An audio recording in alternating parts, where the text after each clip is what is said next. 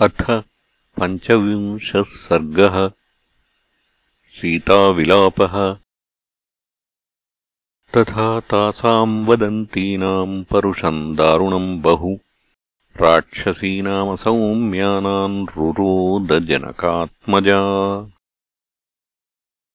एवमुक्ता तु वैदेही राक्षसीभिर्मनस्विनी। उवाच परमत्रस्ता बाष्पगद्गदया गिरा न मानुषीराक्षसस्य भार्या भवितुमर्हति। कामम् खादतमाम् सर्वा न करिष्यामि वो वचः। सा राक्षसीमध्यगता सीता सुरसुतोपमा न शर्मलेभे दुःखार्ता रावणेन च तर्जिता। वेपतेऽस्माधिकम् सीता विशन्तीवाङ्गमात्मनः वने यूथपरिभ्रष्टा मृगी कोकैरिवार्दिता सा त्वशोकस्य विपुलाम् शाखामालम्ब्य पुष्पिताम् चिन्तयामास शोकेन भर्तारम् भग्नमानसा सा स्नापयन्ती विपुलौ स्तनौ नेत्रजलस्रवैः चिन्तयन्ती न शोकस्य तदान्तमधिगच्छति सा वेपमाना पतिता प्रवाते कदली यथा राक्षसीनाम् भयत्रस्ता विवर्णवदनाभवत् तस्याः सा दीर्घविपुला वेपन्त्या सीतया तदा ददृशे कम्पिनी वेणी व्याळीव परिसर्पती सा निःश्वसन्ती दुःखार्ता शोकोपहतचेतना आर्ता व्यसृजदश्रूणि मैथिली विललापः हा।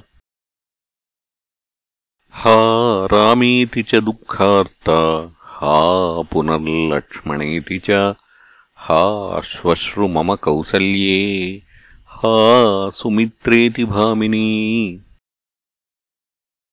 लोकप्रवादः सत्योऽयम् पण्डितैः समुदाहृतः अकाले दुर्लभो मृत्युः स्त्रिया वा पुरुषस्य वा? यत्राहमेवम् क्रूराभिराक्षसीभिर्हार्दिता जीवामि हीना रामेण मुहूर्तमपि दुःखिता। एषाल्पपुण्या कृपणा विनशिष्याम्यनाथवत् समुद्रमध्ये नौः पूर्णा वायुवेगैरिवाहता భర్తారంతమపశ్యంతి రాక్షసీవ సమాగత సీదామి ఖలు శోకేన కూలం తోయహతం యథా. తం పద్మదళపత్రాక్షం సింహవిక్రాంతగామినం. ధన్యా పశ్యంతి మే నాథం కృతజ్ఞం ప్రియవాదినం. సర్వథా తేన హీనాయా రామేణ విదితాత్మనా. తీక్ష్ణం विषमिवास्वाद्य दुर्लभम् मम जीवितम्। कीदृशम् तु मया पापम् पुरा जन्मान्तरे कृतम्। येनेदम् प्राप्यते दुःखम् मया घोरम् सुदारुणम्। जीवितम् त्यक्तुमिच्छामि शोकेन महतावृता। राक्षसीभिश्च रक्षन्त्या रामो नासाद्यते मया धिगस्तु खलु मानुष्यम् धिगस्तु परवश्यताम् न शक्यम् यत्परित्यक्तुम् आत्मच्छन्देन जीवितम्